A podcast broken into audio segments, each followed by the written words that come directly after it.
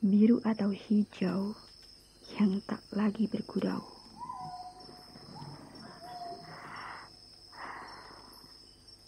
Di bawah hijaunya pohon rindang, aku terpejam.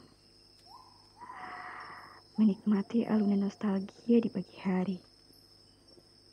Saat itu, belum lahir benakku yang seperti benang kusut.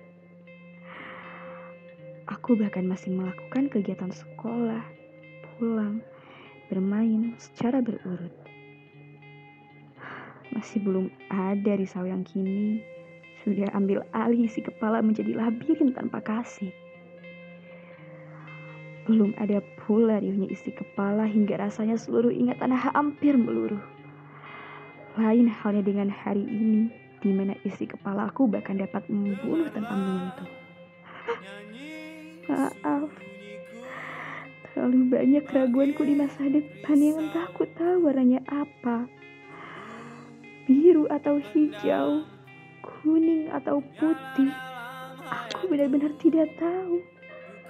Tapi satu hal yang jelas ku tahu, biru atau hijau, semesta sedang tak lagi bergurau. Mungkin sudah terlalu banyak beban yang selama ini kupikul di pundak hingga lambat laun yang kurasa hanya sesat. Bukan petunjuk atau arah menuju jalan yang kuimpikan.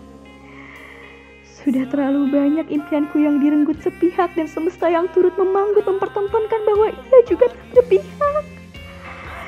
Benakku memproyeksikan jalan buntu sedang ragaku masih saja menggelarkan sandiwara seolah yang terjadi bukan apa-apa.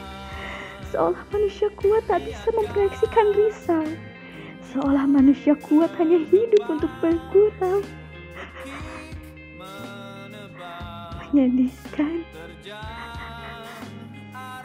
biru atau hijau? Apakah mereka bergurau?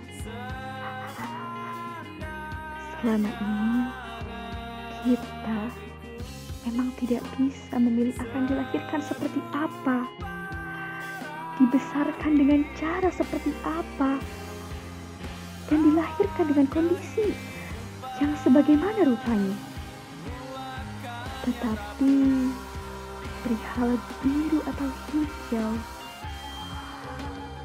kuning atau abu-abu, merah atau jingga. Bukankah semua itu hanya kita yang bisa menentukan? Bukankah semua itu ada di genggaman tangan kita?